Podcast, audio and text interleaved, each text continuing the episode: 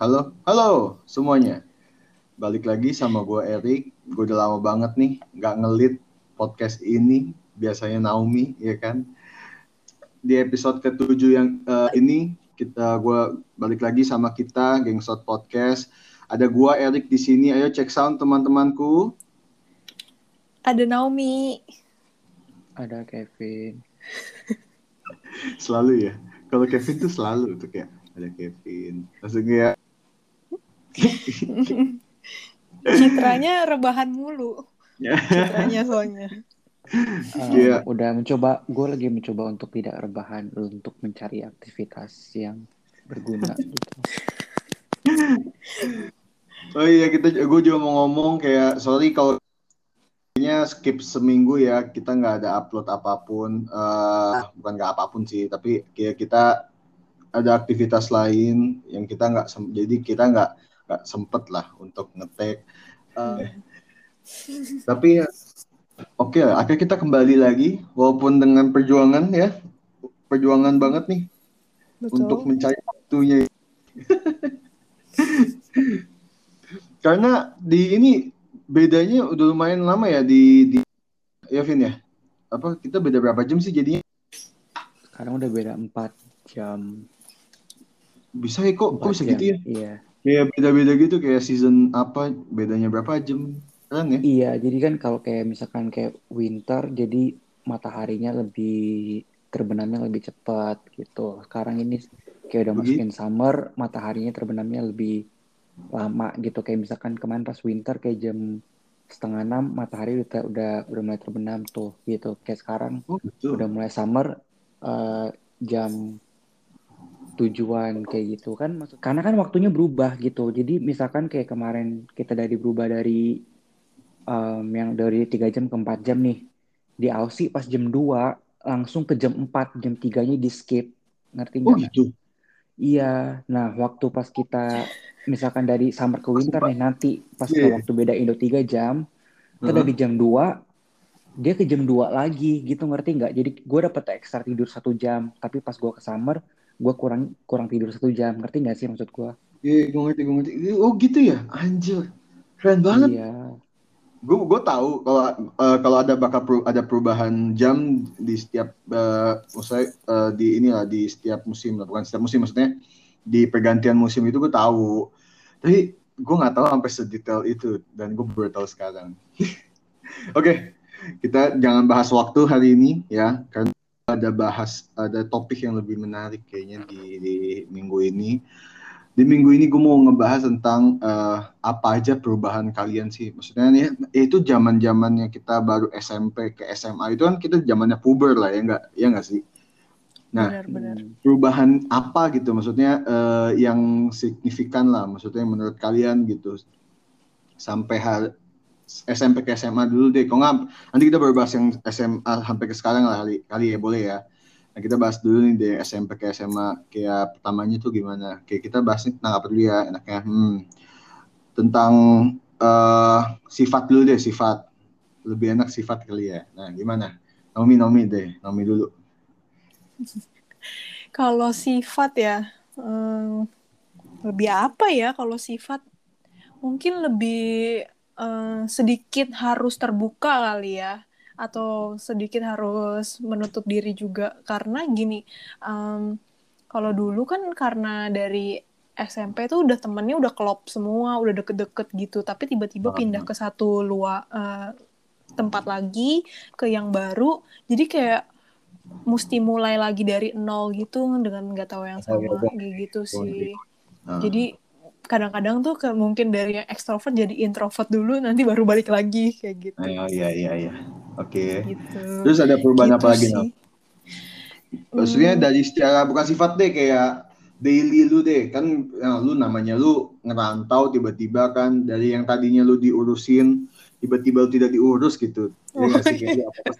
iya, iya. Tiba-tiba ada perubahan apa aja gitu maksudnya yang, oh. yang lu ngerasa banget deh gitu. Banyak sekali. Contohnya deh kayak paling gampangnya uh, gue tuh dulu sering banget di um, bawain makanan sama nyokap. Sekarang tiba-tiba pas pindah itu harus beli makanan sendiri.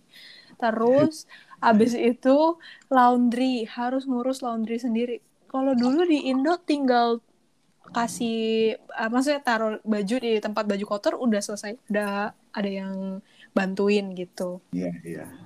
itu sih uh, itu paling berasa. Nah kalau Kevin gimana? Yang lu merasa berubah banget gitu. Kayak kalau gue yang menyaksikan Kevin ya dan Kevin yang menyaksikan gue jadi ini ada ada ada proof nih. Gimana Vin? Um, mungkin yang pasti kayak lebih mandiri gak sih? Karena kalau dulu pas kita di Indo kan kayak lebih ketergantungan gitu ke orang tua kayak apa-apa kayaknya kayak nanya orang tua gitu lebih kayak ini ada ini nih gitu. Tapi kalau pas kita kayak udah pindah kayak tinggal di luar tanpa orang tua lebih ngambil keputusannya sendiri. Kayak gitu hmm. sih menurut gua. Terus juga bedanya mungkin cara belajar kali ya gitu. Walaupun dari SMP kayak kita udah belajar sendiri juga tapi kan masih kayak ada orang tua yang kayak kadang masih nanya gitu eh gimana sama si pelajarannya? Ini itu gitu. Cuma pas kita SMA udah mulai tinggal sendiri juga kan jadinya kita yang lebih ngatur kita belajarnya kayak gimana gitu nggak sih? Itu yeah, sih dari gua. Hmm oke. Okay.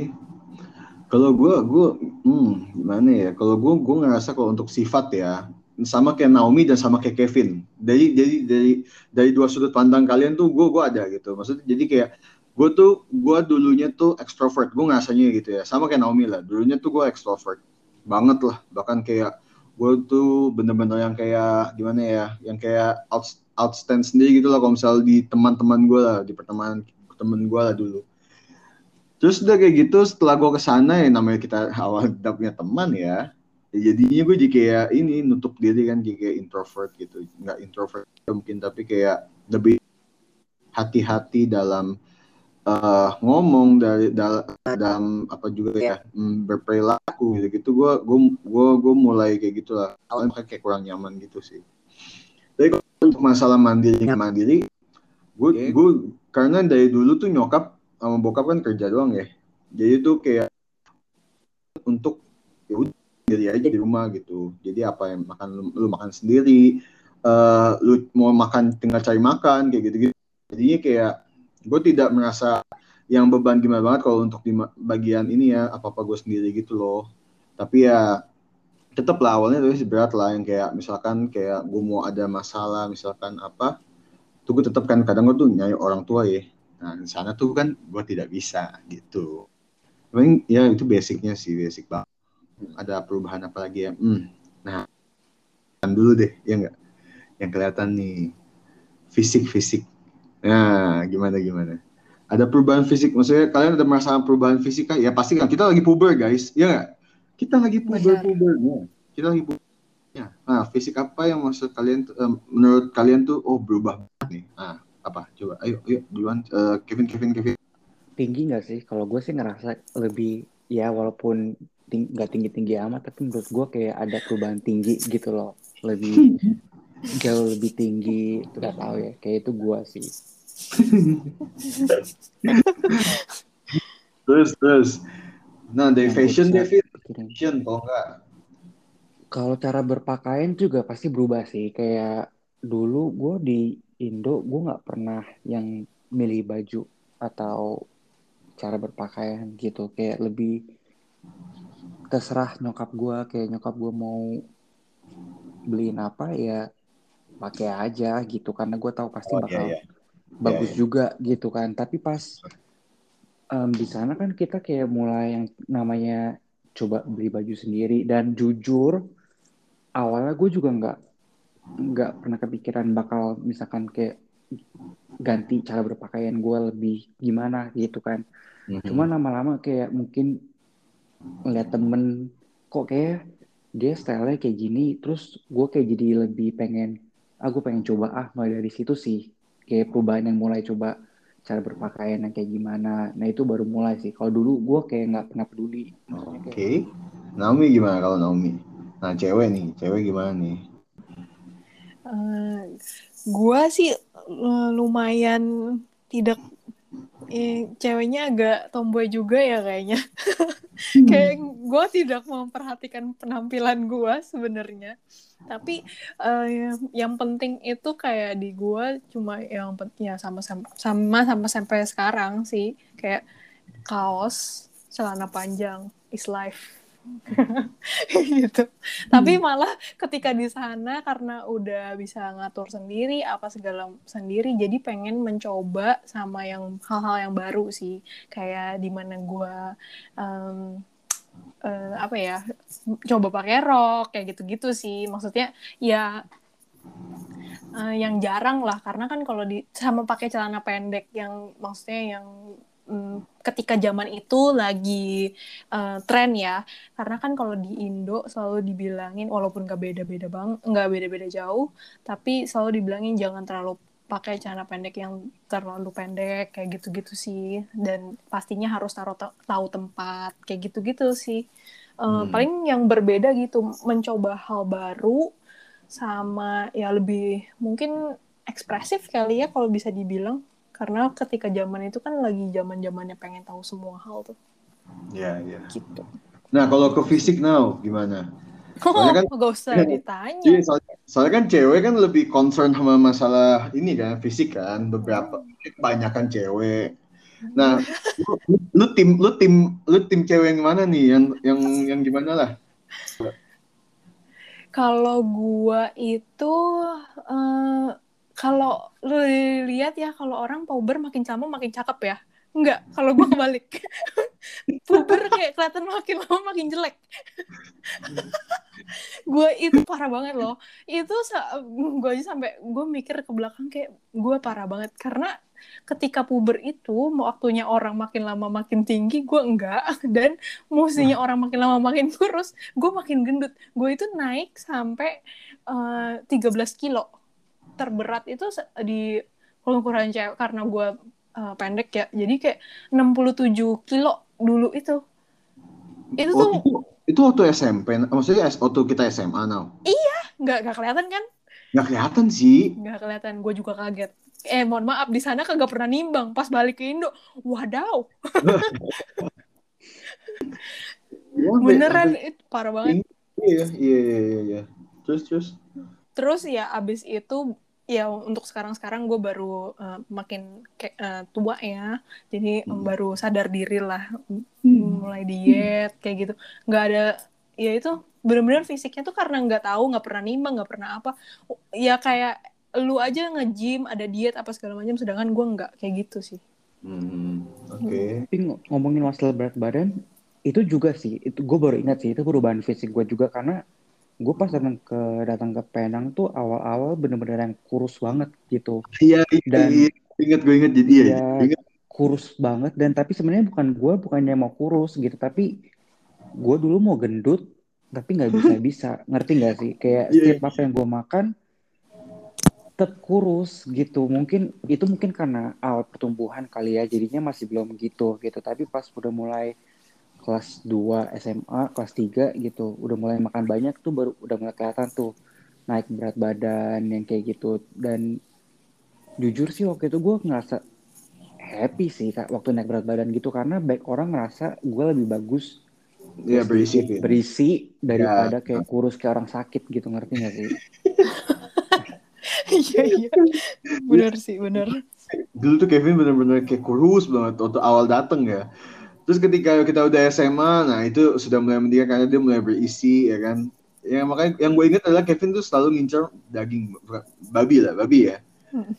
Babi dia berlemak itu udah pasti. Udah iya, dia tuh gua, iya. banget.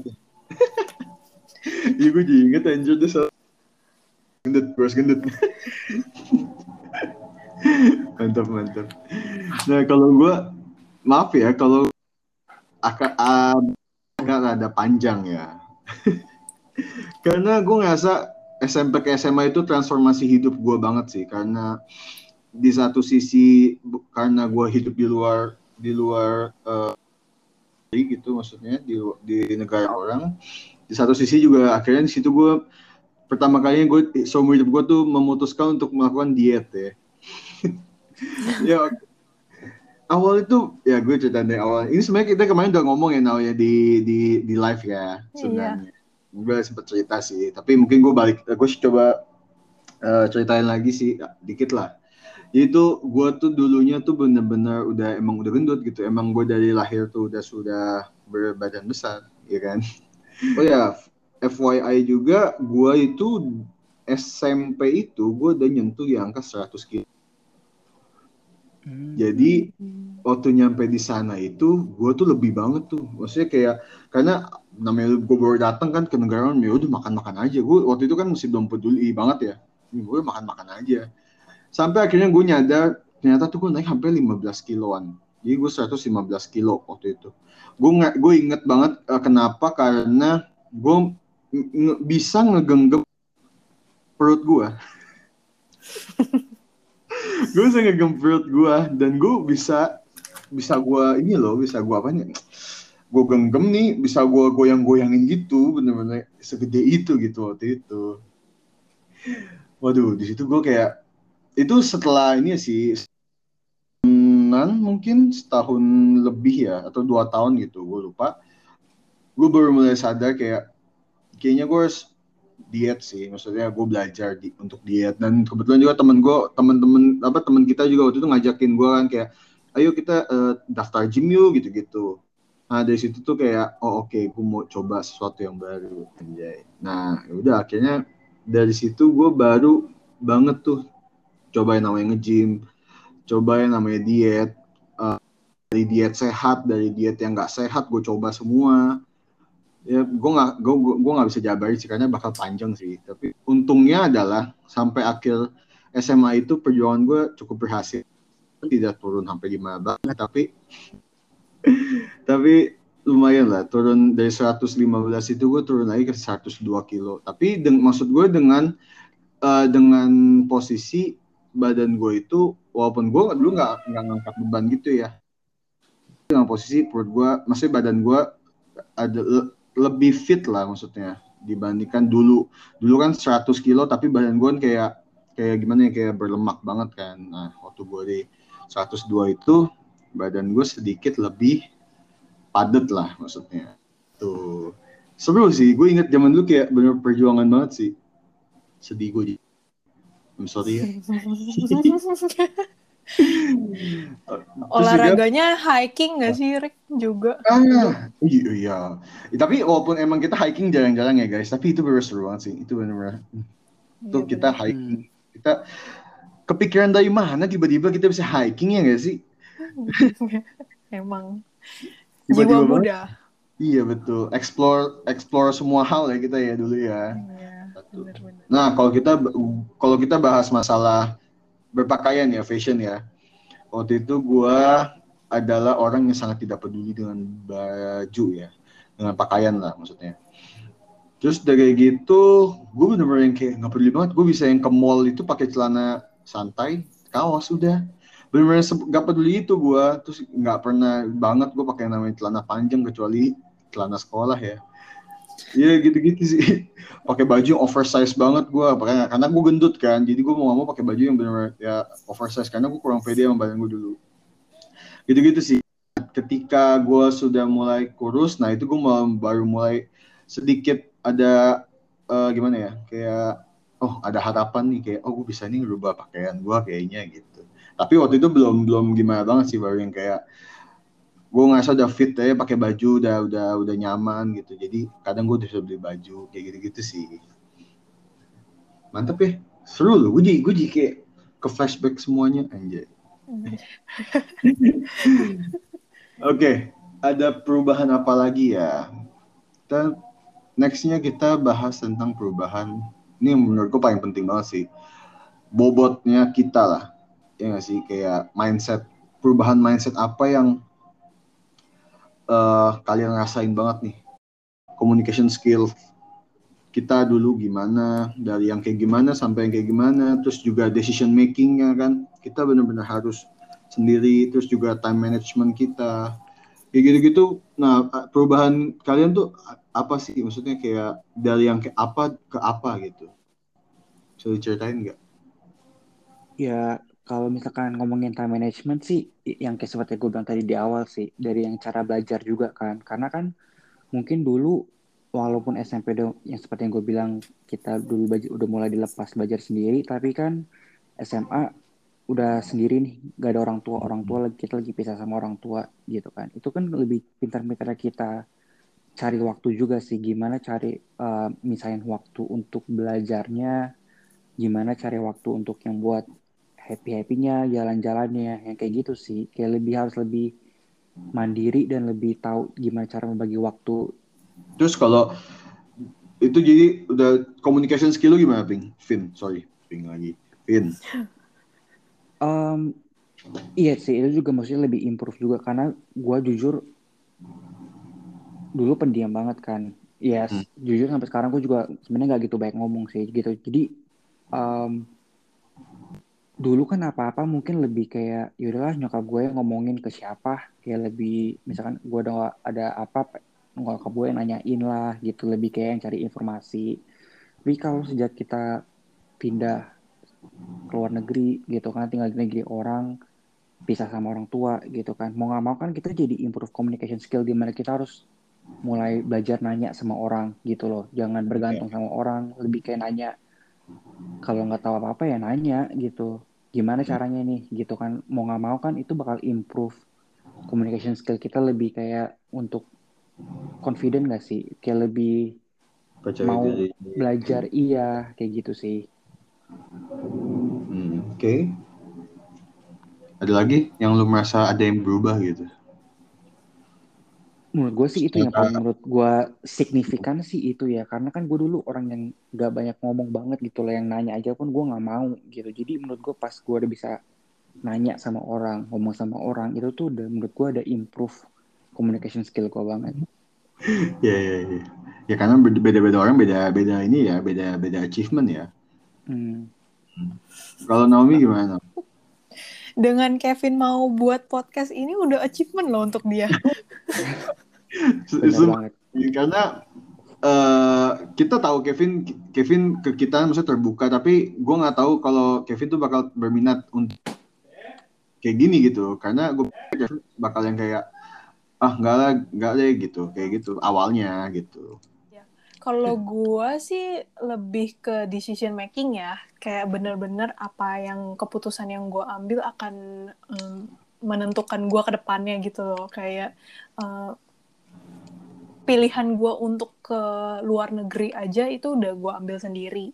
Kayak gitu untuk terjun sendiri ke terus beraniin diri ke yang lain tuh itu juga sih kayak mm, berpengaruh kayak gitu. Itu mm, kayak segampang mau makan apa sih kalau gue itu ini banget um, berpengaruh banget. Karena semuanya kalau di dulu sama orang tua kan all set gitu loh. Makanan yeah. udah ada di depan meja um, mak gue yang mikirin apa segala macam kayak gitu. Nah Terus kalau untuk cara ngomong juga uh, berpengaruh ya. Kayak dulu nggak berani ngomong bahasa eh, eh nggak uh, berani ngomong uh, untuk di depan orang. Kayak mulai suatu conversation baru itu uh, apalagi beda bahasa ya Iya, aduh mikir seribu kali dulu sebelum ngomong. iya, iya, iya, Trans iya. Translate di otak. Gitu. Karena takut takut ada salahnya lah, takut orang nggak ngerti ya nggak sih? Iya iya benar-benar. Nah terus. takut ber, takut itu sih. Jadi eh, gara-gara itu juga karena terlalu mikirnya tuh takut takut takut mulu kan. Terus gue tuh selalu dibilang kalau belajar bahasa itu lu lu nggak boleh takut. Kalau misalnya takut itu lu akan diem semati sendiri gitu loh. Jadi kalau misalnya lu salah ya bikin aja jokes gitu, walaupun receh katanya. Ya walaupun receh akhirnya jadi dia akan benerin kita dan kita akhirnya jadi improve. Gitu sih. Itu bener-bener uh, apa pola pikir yang gue taruh gitu loh. Mm-hmm. terus dari cara hidup apa maksudnya hidup sendiri cara belajar itu benar-benar pengaruh juga. Sama dan akhirnya karena gue hidup sendiri gue bisa masak. Wow. Wow. Lu boleh mana boleh masak di tempat gue boleh boleh masak oh.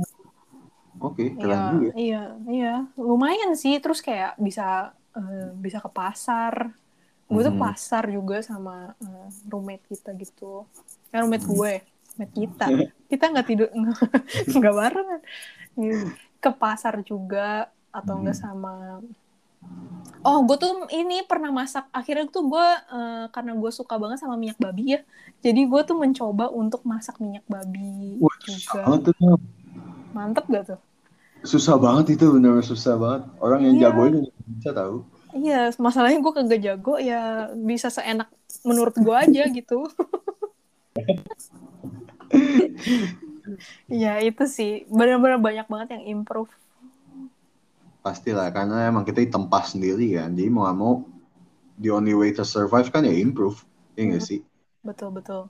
Hmm. critical thinking juga sih. Jadi nextnya apa nih? Uh, iya ya itu itu iya banget sih. Kalau ke gua ya mindset pola pikir yang gua sebenarnya gua nggak ba banyak lah bro.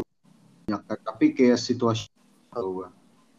Kalau misalkan ya, ya karena kalau gue bahas kayak communication skill misalkan sebenarnya gue untuk communication skill dua arah itu gue udah bagus. Karena menurut gue ya karena maksudnya uh, eh, gue bisa ngomong dan bisa masuk. Gue ngerasanya ya gue gak tau orang lain yang ngomong sama gue benci kayak mungkin atau apa gue gak tahu. Tapi kalau untuk gue gue ngerasa kayak kalau gue ngomong ke siapa pun dua arah gitu gue ngerasa gue oke okay gitu. Karena ya balik lagi kayak gue gue ngerasa gue extrovert kan.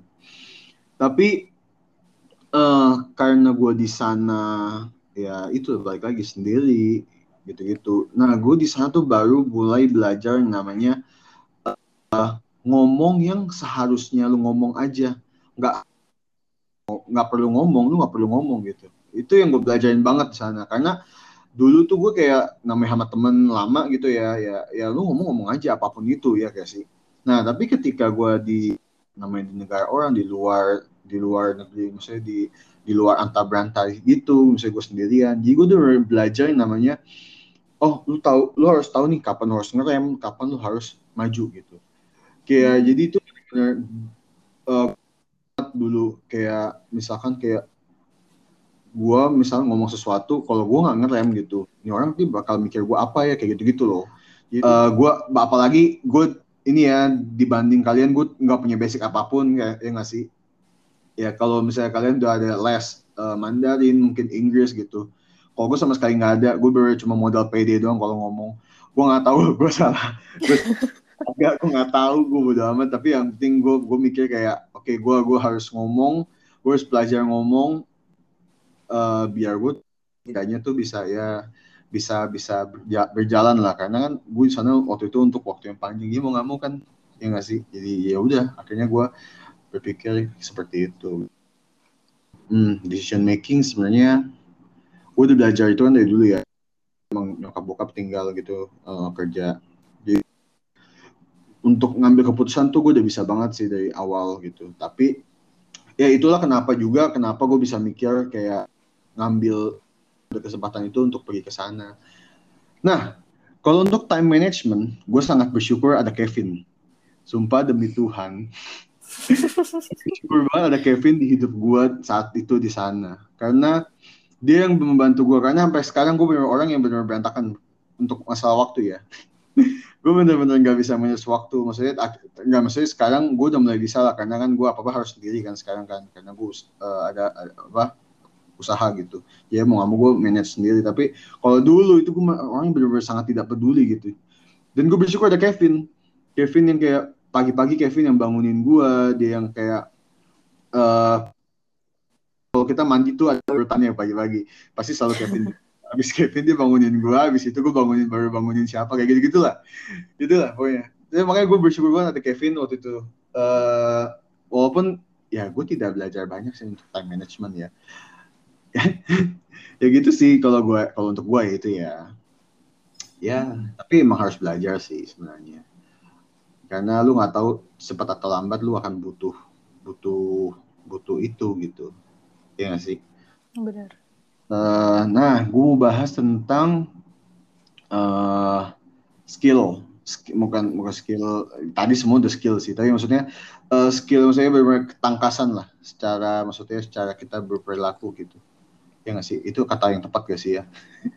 Tapi ya udah itu skill yang benar-benar untuk lu bukan cara lu untuk hidup tapi untuk cara lu maksudnya untuk melakukan sesuatu lah. Maksudnya kayak misalkan lu tiba-tiba belajar ngapain ya nari kayak lu belajar main um, misalnya olahraga belajar uh, gambar baca misalnya uh, nulis kayak atau apa pun deh. Lu ada lu orang ada nggak? Misalnya kayak skill yang baru lah di sana gitu. Hmm, kalau gue sih dari tadi uh, yang tadi sih kayak masak sih. Itu hmm. itu uh, jadi uh, karena pengen aja. Terus jadi um, mau nggak mau akhirnya coba sendiri. Itu um, pengaruh dari ma masak juga. Terus uh, kita tuh dulu inget gak sih sekolah tuh ada ini drawing drawing class. Oh iya iya iya iya gue inget. Iya hmm. yang skillnya yang nggak tahu nggak kepake sampai sekarang. Dan drawingnya pun kita waktu kelas gua sih mungkin Erik nggak ngerasain ya tapi gue sama Naomi pas kita kelas 3 SMA itu ujian akhir semesternya kita ada ujian akhir gambar juga. Oh, iya. iya iya benar benar. Iya. Anjir. Jadi kita kayak di, kita dikasih topik gambar gitu itu benar-benar ujian akhir yang dimasukin kayak nilai istilah kata kalau di Indo tuh kayak UN gitu tapi ini iya. gambar oke oke iya.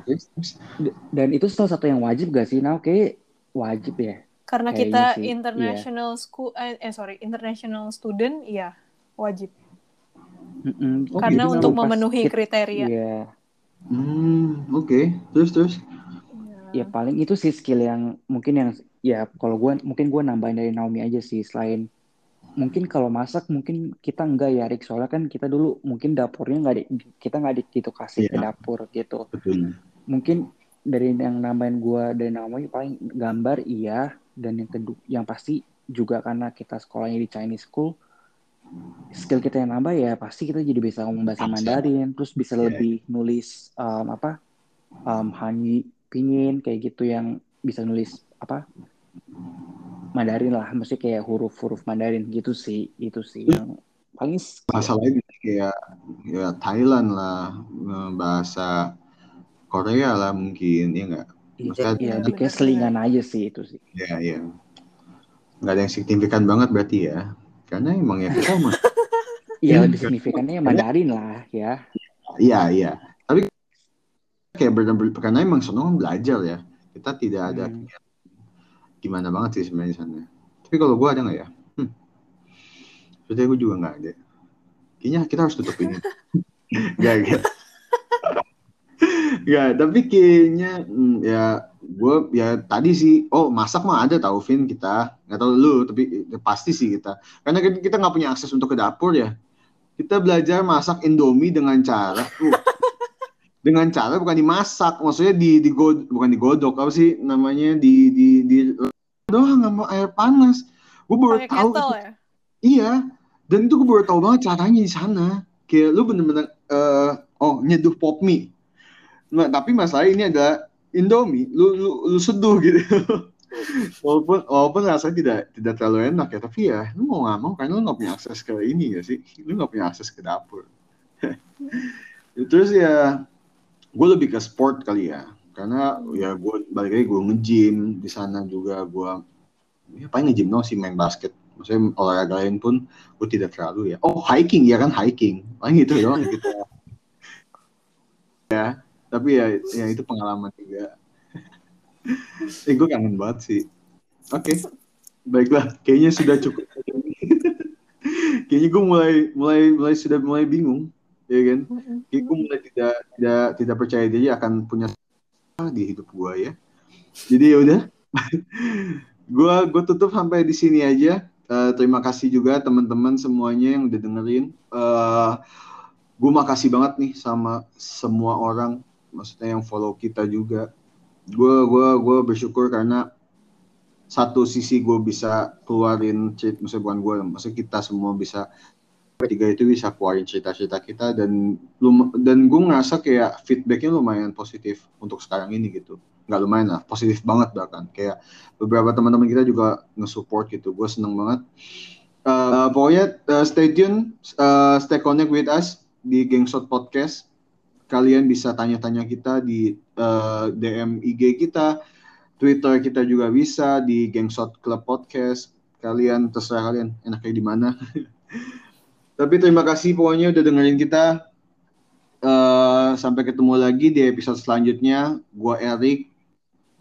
Gue Naomi. Gue Kevin. Bye. Kita tahu ya. Dadah.